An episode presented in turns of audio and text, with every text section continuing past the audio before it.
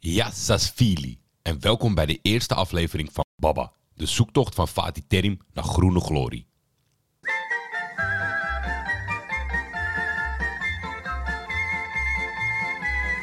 Eerst heb ik te horen gekregen toen ik hier kwam. Hier gaat het alleen maar om winnen in dit land. Dat was de kritiek omdat ik te veel aandacht aan goed voetbal besteedde vorig jaar.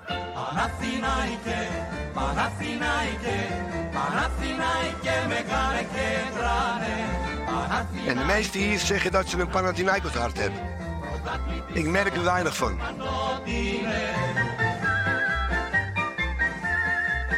De enige die mij bij deze club weg kan sturen... is een man die ik heel erg respecteer en dat is meneer Pateras. En niet jullie.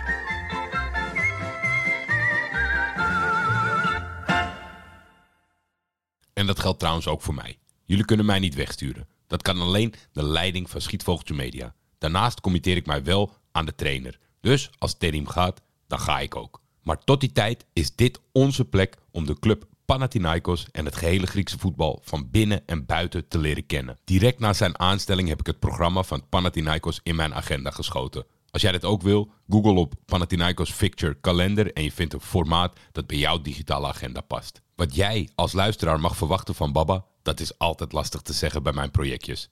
Dingen groeien, dingen verdwijnen, maar voor nu ga ik alle wedstrijden van de Groene kijken. Die voor jullie samenvatten en van mening voorzien.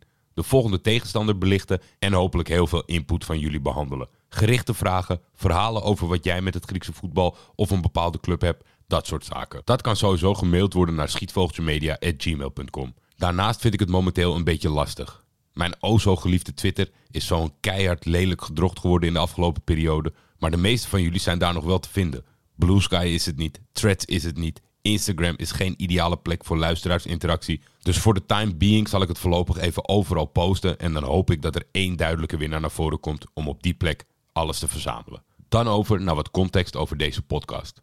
Hou je vast, ook al ken je mij al erg lang. Dit kan je van je apropos brengen.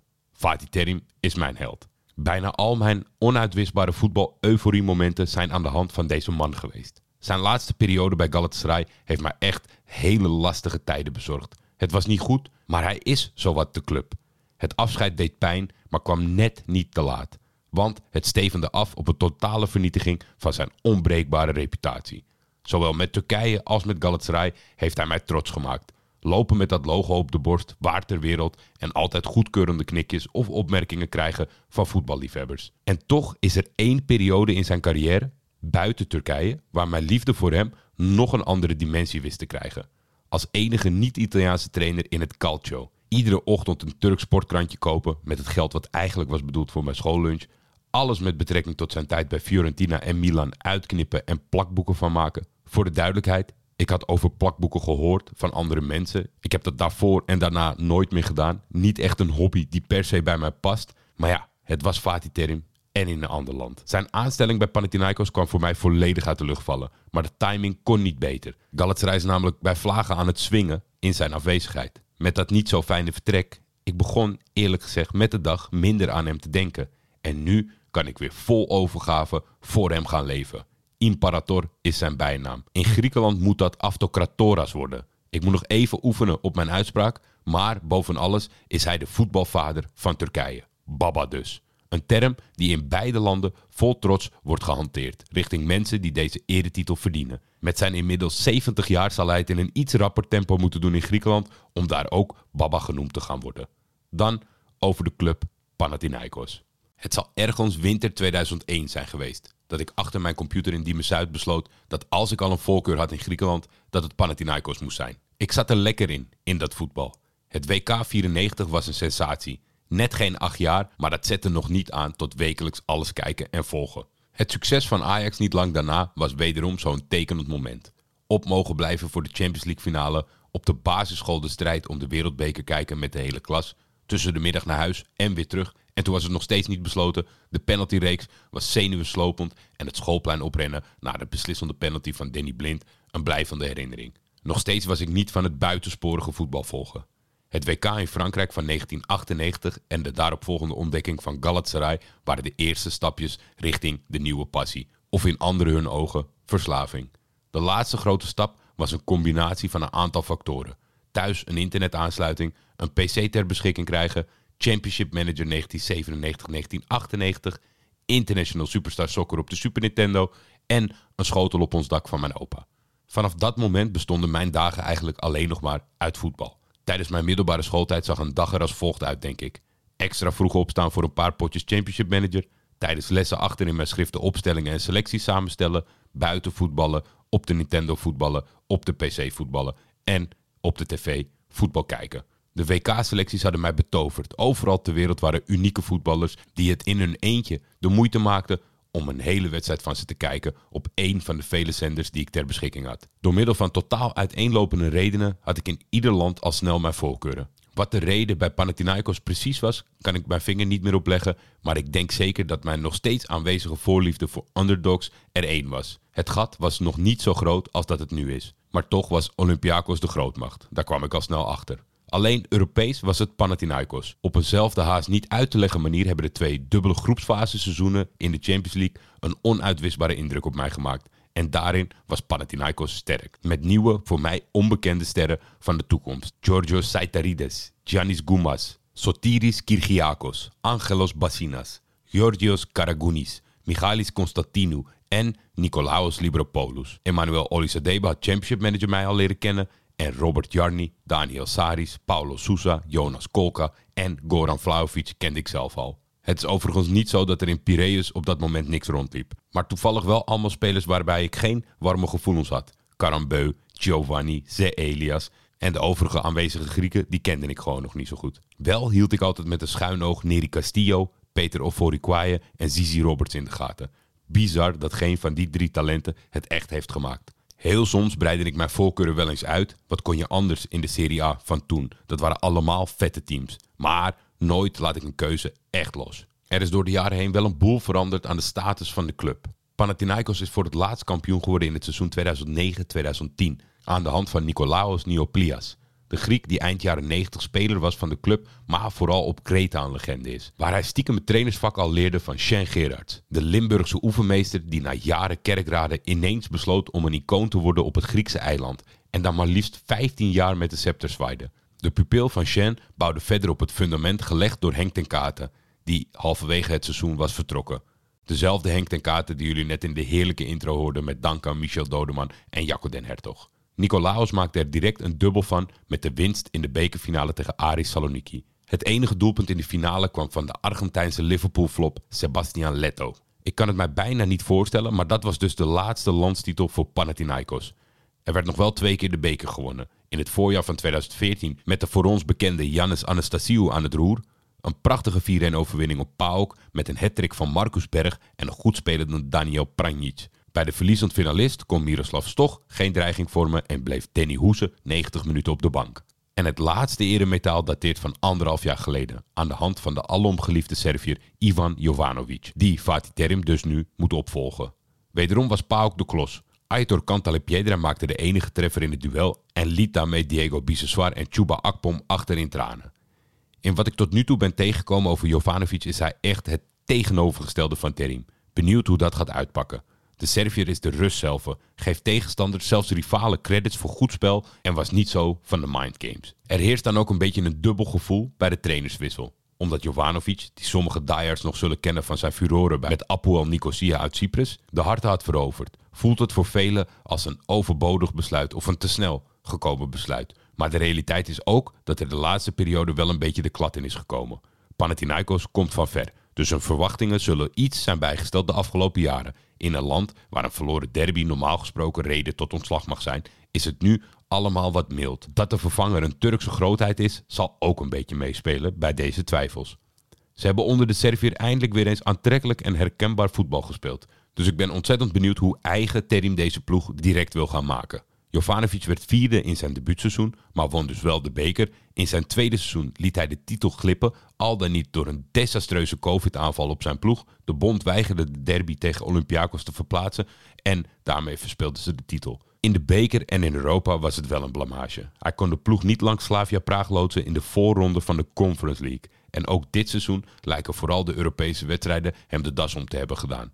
Panathinaikos werd teleurstellend laatste in een groep met Villarreal, Rennes en Maccabi Haifa in het Europa League toernooi. Panathinaikos stond voor de aftrap van het debuut van Terim op een tweede plaats na 15 wedstrijden met 1 punt achterstand op PAOK. Binnenkort start, net als in Turkije helaas, een triest format, het bekeravontuur in de achtste finale met een dubbele confrontatie tegen aardrivaal Olympiakos. Het trieste gedeelte zit hem in dat de topclubs pas in de achtste finale instromen. Dat vind ik altijd een beetje suf. Dit waren de feiten vooraf. Nu door met het grote debuut, de thuiswedstrijd van Panathinaikos tegen Pas Giannina. Om het debuut van Fatih Terim in het Griekse voetbal met een goed gevoel in te gaan, heb ik besloten om vandaag zo in te richten dat hij volledig in het teken stond van het Griekse voetbal. Want het is lang geleden dat ik een live registratie heb gezien van twee Griekse ploegen tegen elkaar. De dag begon al om drie uur met Asteras Tripolis tegen Aris Saloniki. Het werd een heerlijk duel. Ik dacht na een kwartier dat het al afgelopen was. Aris Saloniki stond op 0-2 en eh, het spel van Asteras zag er niet uit. Uiteindelijk werd het nog een heroïsche comeback van de thuisploeg. 3-2 overwinning. Meteen mijn eerste kritiekpunt op het Griekse format. Want tijdens dit duel begon al het volgende duel. Lamia tegen Olympiakos. Een verrassing van je welste. Genoten van de centrale verdediger. Echt een reus van Lamia. En ze hebben een vroege voorsprong weten te verdedigen. En uiteindelijk 1-0 gewonnen van de recordkampioen. Maar hoe plan je op zo'n dag, überhaupt elke speeldag... Eh, Het is een competitie. Er zitten 14 clubs in de competitie. Dus je hebt minder wedstrijden dan andere competities. Verdeel dat over zo'n weekend. Zorg dat iedereen alles 90 minuten kan kijken. Want deze ellende bleef doorgaan.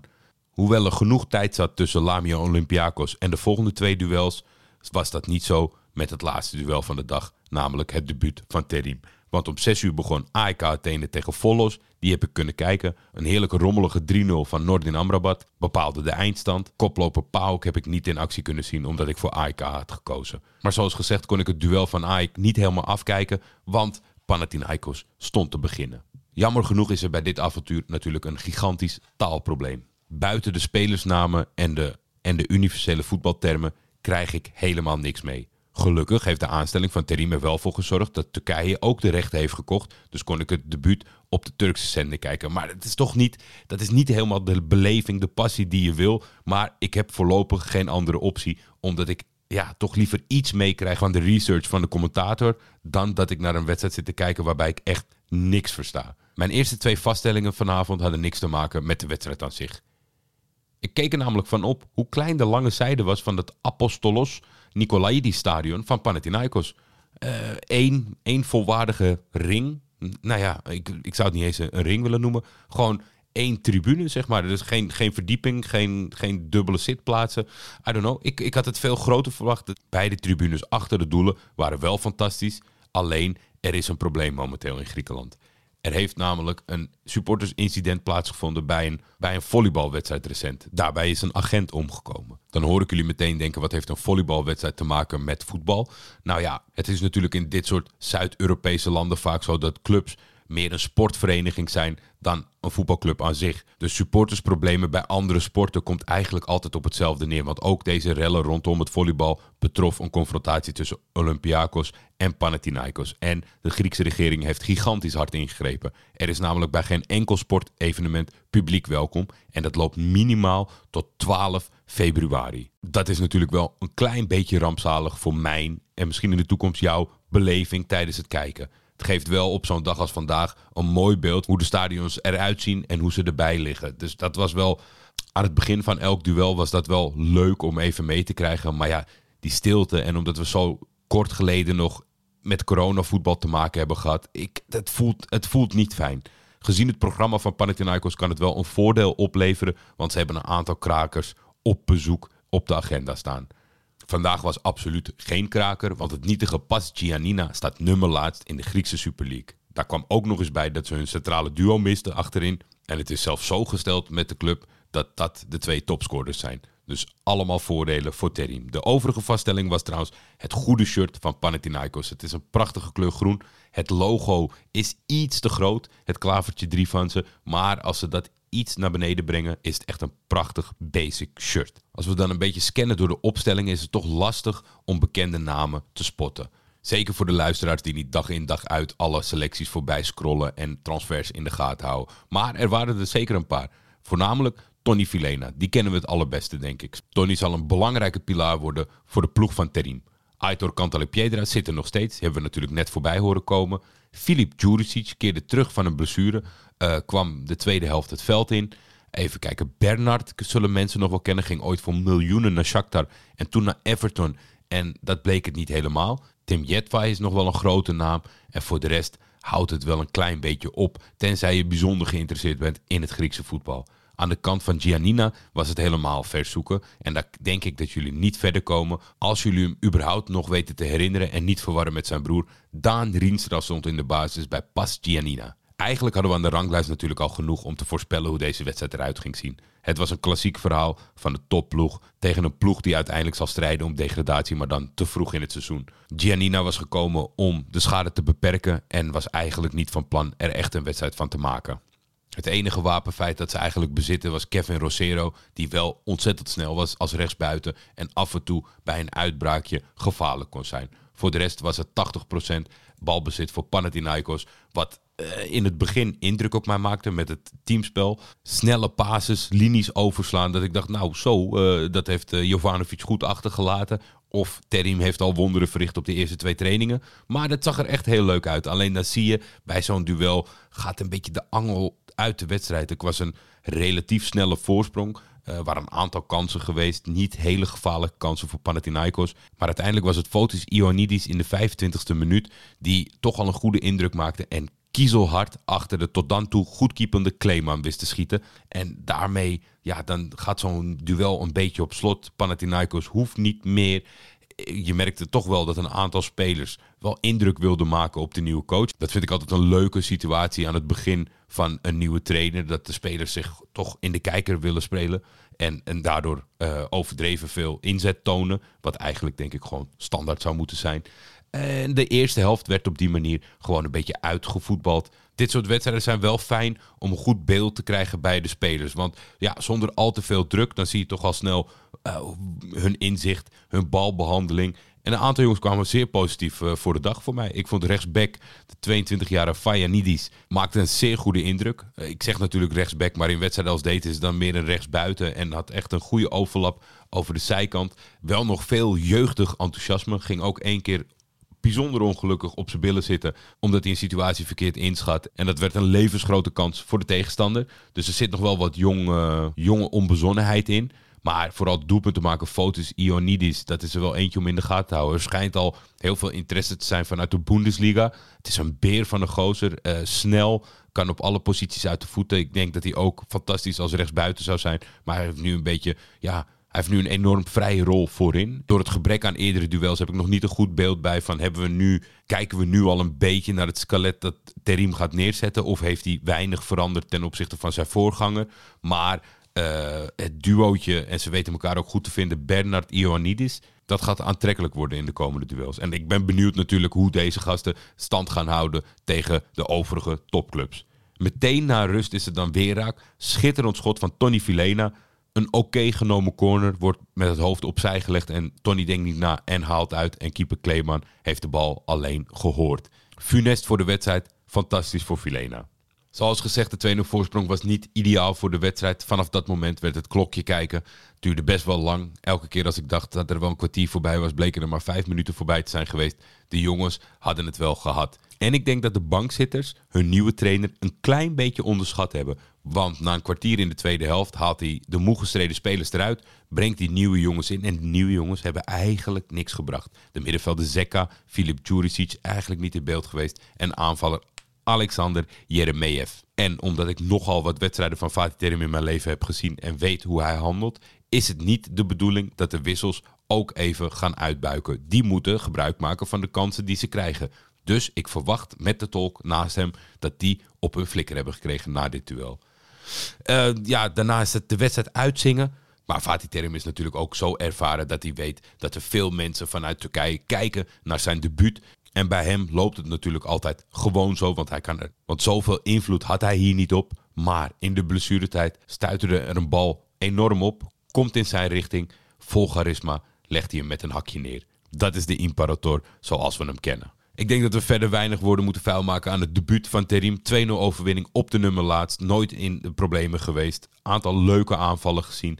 Er zit wel muziek in deze ploeg. Helaas had de Turkse sportzender geen mensen die kant op gestuurd. Dus na de wedstrijd werd het reclame en zijn we nooit meer teruggekomen in Athene. Dus het is vanaf nu aftellen naar het volgende duel. En ik zal jullie vertellen wanneer die is en tegen wie die is. De volgende tegenstander is namelijk Panatolikos, de huidige nummer 12 uit de Griekse Super League. En dat is een club uit Agrinion, een stad met 106.000 inwoners in de Nomos Etolakarnania. Agrinion is een belangrijk handelscentrum voor landbouwproducten zoals katoen, graan, tabak en olijven.